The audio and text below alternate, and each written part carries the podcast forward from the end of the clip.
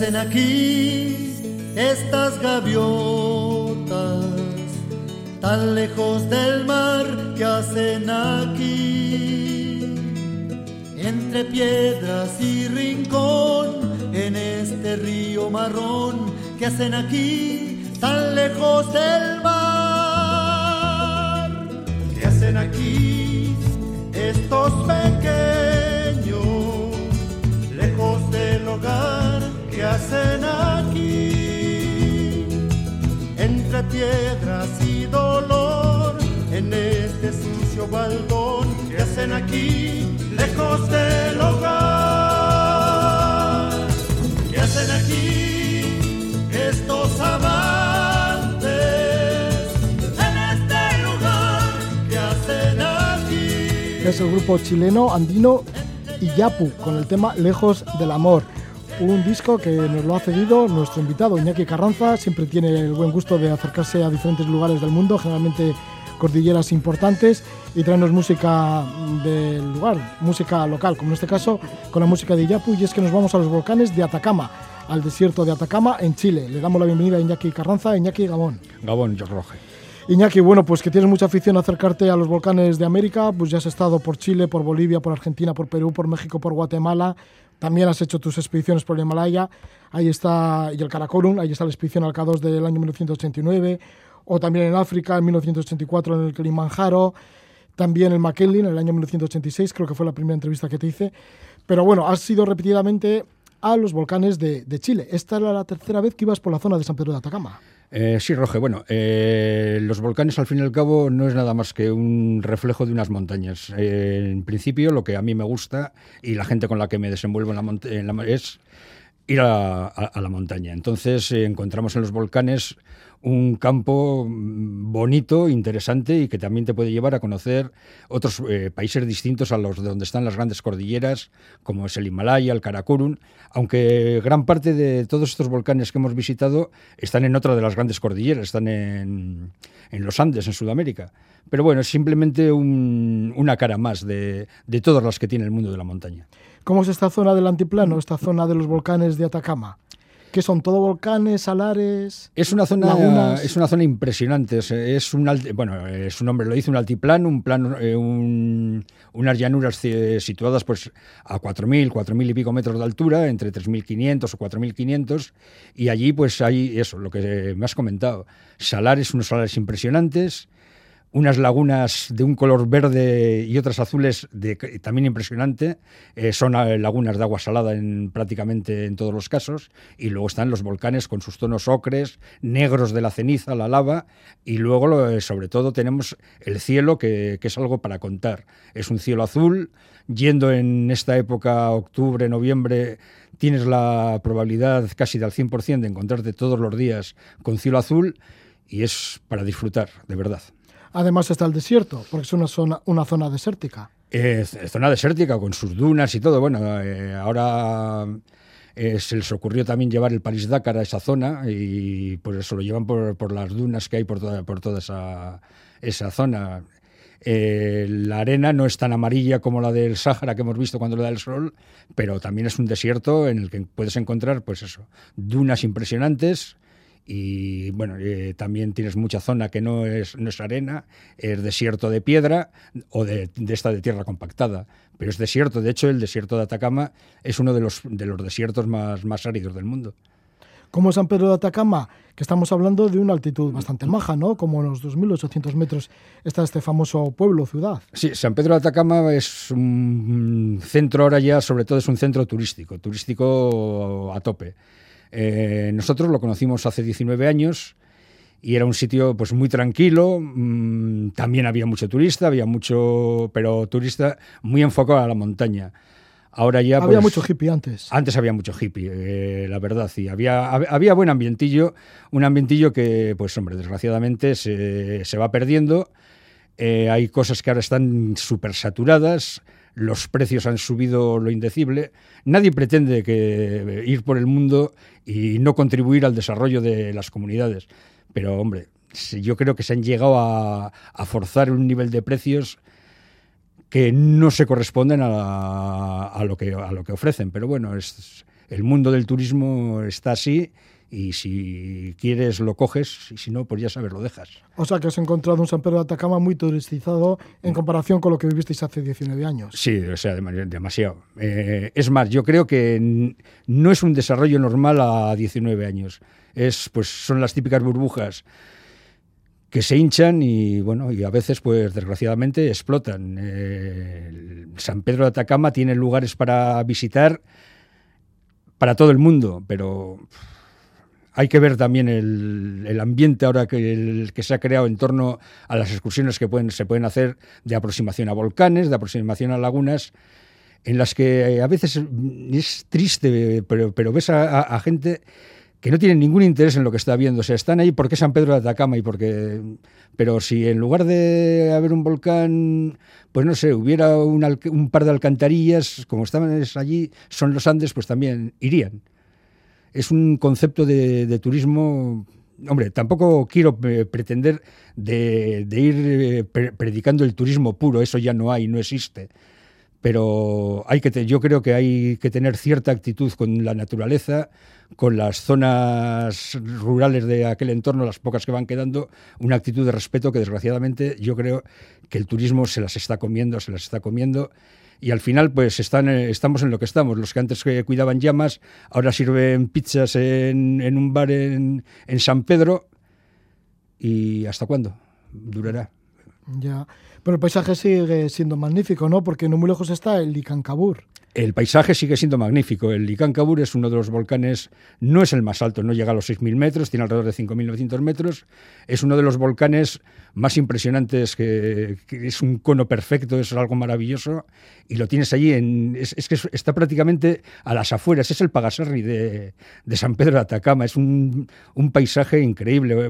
Y en cuanto te alejas un poquito de San Pedro hacia los pasos Jama o el paso Sico, que van hacia, hacia Argentina, eh, se despliega un montón de, de volcanes, el Pili, Juriques, Seireca, Burtos, un, una, una visual impresionante. ¿Cuál era vuestra agenda esta vez, la tercera vez que vas por allí, por los volcanes de Atacama? Esta vez... eh, La agenda montañera. eh, bueno, porque además tienes buenos amigos allí. Sí, bueno, el- nuestro amigo Eduardo Bascuñán y Enrique Huanca eh, son, bueno, hemos estado varias veces con ellos, son excelentes personas, excelentes guías, excelentes montañeros. Y, Inclusive bueno, alguna vez han estado por aquí Han también. estado por aquí, Eduardo ha estado aquí concretamente dos veces y sobre todo pues son eh, excelentes amigos.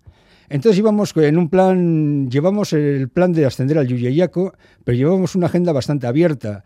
Entonces, eh, una vez que estuvimos allí, cerramos unas, una serie de ascensiones y nos salieron, casi todo nos salió bastante bien, pero sobre todo estuvimos viviendo unas jornadas de montaña entre amigos, pues eso, de las que no se olvidan.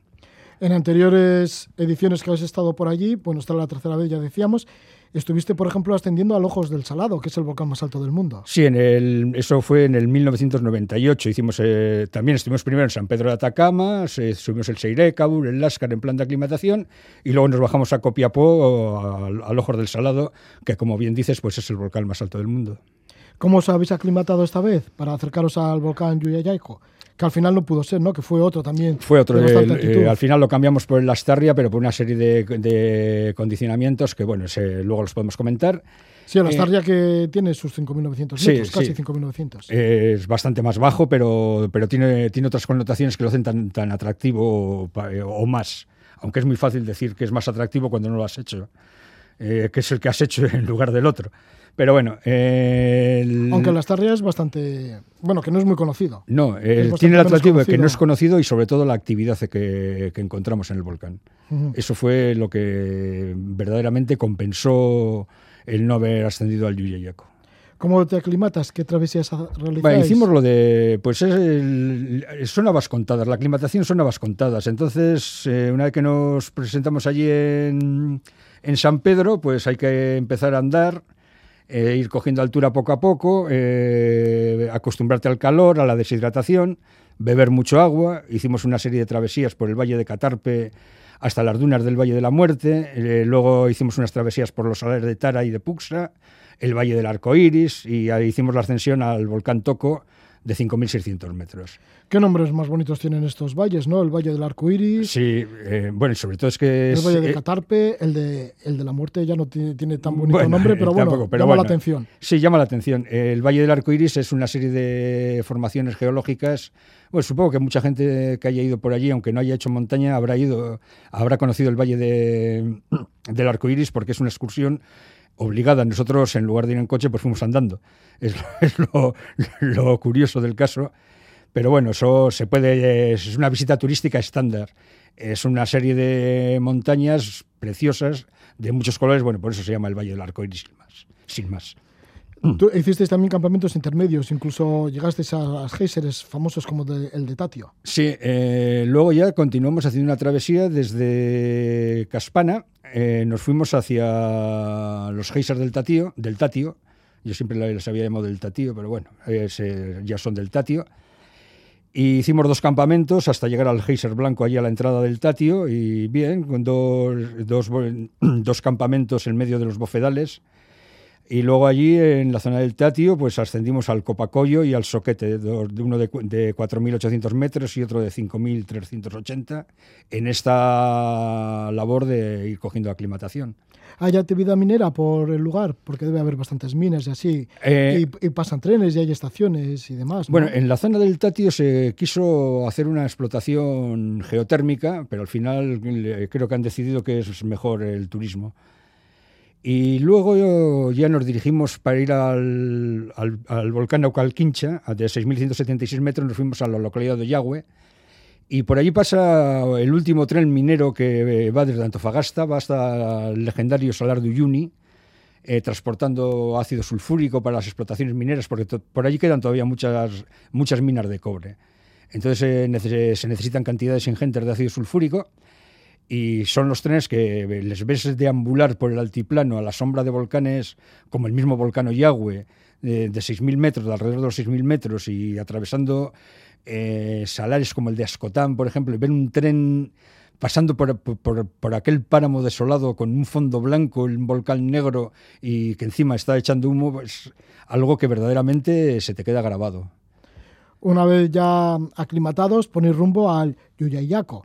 Pero bueno, finalmente lo que fue fue el volcán Lastarria. Pero bueno, ¿cómo os acercáis al Yuyayaco y al volcán Sí, Lastarria? eh, eh, fuimos hacia el campo base del, del Yuyeyaco, que hay un refugio de la CONAF, de la Confederación Forestal Nacional de Chile.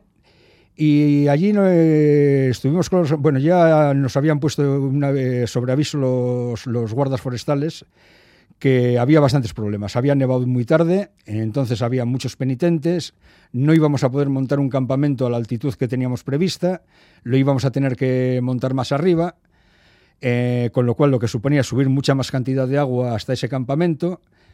Eh, íbamos eh, desde ahí, claro, en principio sería más fácil hacer la cima porque nos quedaba menos desnivel, pero luego la bajada se nos iba a multiplicar la distancia y nos íbamos a, íbamos a tener problemas con el agua. Bueno, al final eh, llegamos a la conclusión. Nos propuso Eduardo mm, que sería mejor eh, ir al volcán Lasterria, un volcán desconocido, y allí que nos fuimos, bueno, bastante desconocido, sobre todo para nosotros totalmente desconocido. Supongo que para los chilenos, para algunos era conocido y para otros no también, claro. Llegar solo, solo hasta allí, hasta el volcán Lastarria, debió ser una aventura. Lo Desde- debisteis pasar bastante bien. Sí, desde la zona del Yuyeyaco hasta la base del volcán Lasterria eh, se trata de bajar al Salar de Aguascalientes, que al Salar de, Aguasca- el- de Aguascalientes se puede llegar desde Antofagasta por una ruta, digamos, convencional, pero claro, una vez que estábamos nosotros allí, eh, había que comunicar la zona del, del Yuyeyaco con el Salar de Aguascalientes. Fue una travesía en vehículo 4x4 del- y hemos hecho muchas, pero te puedo garantizar que ha sido de, de lo más espectacular que hemos hecho a lo largo de todos estos años recorriendo desiertos por, por Chile, Argentina y Bolivia. ¿Por qué es esto? Eh, pendientes muy grandes, barreras de penitentes, placas de hielo, pedregales impresionantes y sobre todo la pendiente. Una pendiente, eh, bueno, tardamos en para un recorrido de veintitantos kilómetros, tardamos del orden de seis horas, siete horas. Así que bueno, que tenía que ser también bastante vertiginoso, ¿no? Ir en el todoterreno. Sí, el por todoterreno. y, por esos terrenos tan inclinadísimos. Sí, y a, veces a pie porque es que nos teníamos que desplegar buscando un paso entre las barreras de hielo a ver por dónde se podríamos, porque ahí no vale, no vale la pala ni el piolet para, para romper el hielo. Había que buscar algún cachito eh, transitable que habitualmente estaban llenos de piedras muy grandes. Pero bueno, se, eh, pasamos y llegamos al Salar de Aguascalientes eh, sin novedad y encima habiéndonoslo pasado como, como enanos. ¿Cómo es este Salar de Aguascalientes que tiene tanta fama? ¿Y cómo era la laguna de Azufre donde partisteis en esta aventura? El salar de, de, Aguascalientes pues es un salar con su laguna correspondiente, está plagado de flamencos y por desgracia hay un montón de ruinas de las, de las mineras que había antes en la época del salitre en Chile, que claro, aquí aquello se, se abandonó hace 60 años y vaya usted a pedir que lo limpien, ¿no? Hay barracones, eh, restos de teleféricos, en fin, bueno, de, teleféricos de estos de mineros, ¿no? Y ahí están, pero ves una serie de volcanes ahí detrás, preciosos, ves flamencos por un lado, por otro, y bueno, y de allí ya, sin más problema, pues llegamos hasta la laguna del Azufre, que es donde montamos el campamento base para acceder a, a Lastarria. a Lastarria y a otro volcancito que hicimos. ¿Y cómo fue la ascensión a Lastarria? ¿Os resultó fácil? ¿Técnicamente es fácil? El volcán Lastarria es un volcán que no tiene ningún problema, o sea, ningún problema que no sea los que se derivan de las pendientes muy pronunciadas, o sea, muy pronunciadas en arena, bueno, primero en arena, luego en ceniza luego en lava un poquito más gruesa y las que te, eh, te pone los, las bocas de los géiseres, bueno, de fumarolas que vas pasando que elevan la temperatura a pesar de que los grados son bastante grados bajo cero.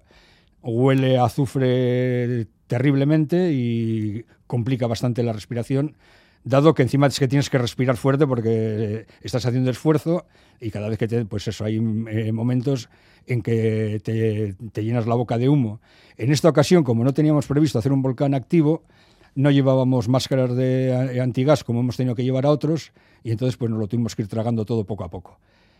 El último tramo es una crestita, bueno, más que cresta, una loma en lava, lava polvo, muy pendiente hasta que llegas a la cima y luego una vez en la cima bordeamos el cráter, el cráter y entramos en, su interior para ir hasta las, las fumarolas occidentales, que como bajada fue espectacular, pero eran unas fumarolas con una actividad muy, muy fuerte que la verdad se hicieron pesadas porque no nos dejaban respirar, pero como todo en esta vida, pues se llega, se ven, se cruzan y se baja más abajo. ¿Cómo es la vida del volcán? Pues entre el viento, el olor a azufre, esas cenizas, ese polvo, el humo. la vista que hay del volcán de Lastarria desde la laguna de azufre es preciosa. O sea, le ves al atardecer y al amanecer cómo suben las columnas de humo, porque es que además no es una columna de humo compacta, son varias, varias columnas. Tiene un montón de fumarolas, igual había del orden de 16, 18 chorros de humo todo alrededor de la ladera y unos muy cerca de la cima. Y luego de vez en cuando pues se oye, el sonido de las fumarolas, se oye el sonido sordo del interior del volcán y sobre todo lo que se escucha es una paz increíble allí en el lago. Así son las noches, unas noches de, de, película. Es una de las zonas de menos contaminación lumínica del mundo, entonces las estrellas son increíbles. De hecho, cerca de San Pedro de Atacama se ha inaugurado hace poco el mayor radiotelescopio del mundo el proyecto ALMA, ahí al lado del Cerro Toco, y porque es no hay contaminación lumínica, no hay nada, es verdaderamente algo que se recuerda con mucho cariño. ¿Cómo es la vista desde arriba del volcán? La vista del volcán, desde el volcán, es impresionante. Pues lo primero que ves es el Yuyeyaco, que es una mole impresionante. Ves unas lagunas hacia Argentina y la vista se te pierde en los colores en los colores ocres, que resulta ya casi pesado el, decir tantas veces lo bonito que es, pero, pero es lo cierto. Entonces estás, te puedes pasar horas, si no fuera por el frío y porque siempre, desgraciadamente, hay que volver al campamento, pues te tirarías ahí un par de días casi viendo, viendo aquel paisaje. Pasa que tienes el problema del agua, el problema del polvo, pero bueno. Pues una buena experiencia esta del volcán Lastarria, nos está comentando el montañero Iñaki Carranza. Iñaki que ha estado en tres ocasiones ya en esta zona de los volcanes del desierto de Atacama, en Chile. ¿Qué es lo que sientes cada vez que llegas allí? Eh, mucha alegría, mucha alegría. Eh, para mí, fíjate que, pues no sé, habrán sido igual 20 volcanes los que hemos ascendido en esa zona, pero siempre es nueva. Una de las mayores alegrías que nos llevamos fue el día que pudimos eh, ascender el, este, el, el Icáncabur, allí en San Pedro de Atacama, que lo estás viendo todas las veces que habíamos ido, lo hemos visto porque se ve desde San Pedro de Atacama, pero como no habíamos eh, entrado a la zona de los volcanes desde Bolivia, pues no, habíamos poder, eh, no lo habíamos podido hacer porque desde Chile el Icancabur está, está minada las laderas. Entonces, eh, a pesar de estar ahí en el mismo San Pedro de Atacama... ¿Minadas? Sí, eh, los problemas de cuando en el año 78 creo que fue... Con la guerra con Bolivia. Tuvieron, tuvieron problemas en la zona sur, Chile y Argentina. Ah. Y de rebote, bueno, dejaron sin guarniciones el norte y como la reivindicación histórica de la salida al mar de Bolivia está latente, entonces, claro, eh, Chile dijo, ahora se van a venir los peruanos y los bolivianos a la guerra, a lo que conquistó Chile cuando la famosa guerra del desierto. Entonces, eh, si no tenemos soldados, ¿cómo lo arreglamos? Con minas. Y entonces minaron todo y hay un tenían un, firmaron el compromiso de, limpiar de minas, pero claro, hay un problema muy grande, que es que la actividad sísmica en estas zonas volcánicas es muy grande, entonces hay muchísimas minas que se han movido de sitio. Así que para subir el Licancabur tienes que ir por la zona de Bolivia. a Bolivia, a la Laguna Verde, que claro, que, por otra parte es una cosa preciosa también, la zona de la Laguna Verde y la Laguna Blanca, donde te acercas al, al Licancabur, pues es muy bonita. Luego tienes el, el, desierto de Dalí, el de Siloli. Es que es todo es, es un todo. La zona esta del desierto de Atacama y el altiplano de Bolivia, Argentina y sur de Perú, para mí constituye un todo que, si, que hay que recorrerlo. Si no, pues si solamente puedes acceder a una zona, pues encantado, es maravilloso lo que has conocido. Pero si ya eh, te puedes permitir el lujo de, a lo largo de los años, efectivamente, porque claro, aquello es muy grande, de recorrer los cuatro países estos que, donde se encuentra esta aglomeración de volcanes, puedes encontrar una, una actividad montañera muy satisfactoria. Pues llevas ya 19 años por este lugar, pues ¿no? por esta zona ya, del ya te digo, eh, tres veces en San Pedro de Atacama, más otra que estuvimos por Bolivia y Argentina, más otras dos veces por, por Perú, pues hacen unos, unos cuantos viajes. Sí. Muchas gracias por estar una vez más con nosotros, Iñaki Carranza. En esta ocasión pues, nos has acercado a los volcanes de Atacama y en concreto pues la ascensión de varios de ellos y entre ellos el volcán Lastarria, la Starria, que tiene casi 5.800 eh, y algo. Sí. Pues gracias a ti, gracias a tus oyentes, buenas noches y siempre que pueda contarte alguna historia que pueda ser de tu interés y sobre todo del interés de los que te escuchan, pues ya sabes que puedes contar conmigo. Ya, ya lo sé y sé que vas a seguir viajando y que nos vas a seguir contando, así que buenas andanzas. Seguiremos, seguiremos en la brecha y te lo contaremos y se lo, se lo contaremos a los oyentes sobre todo.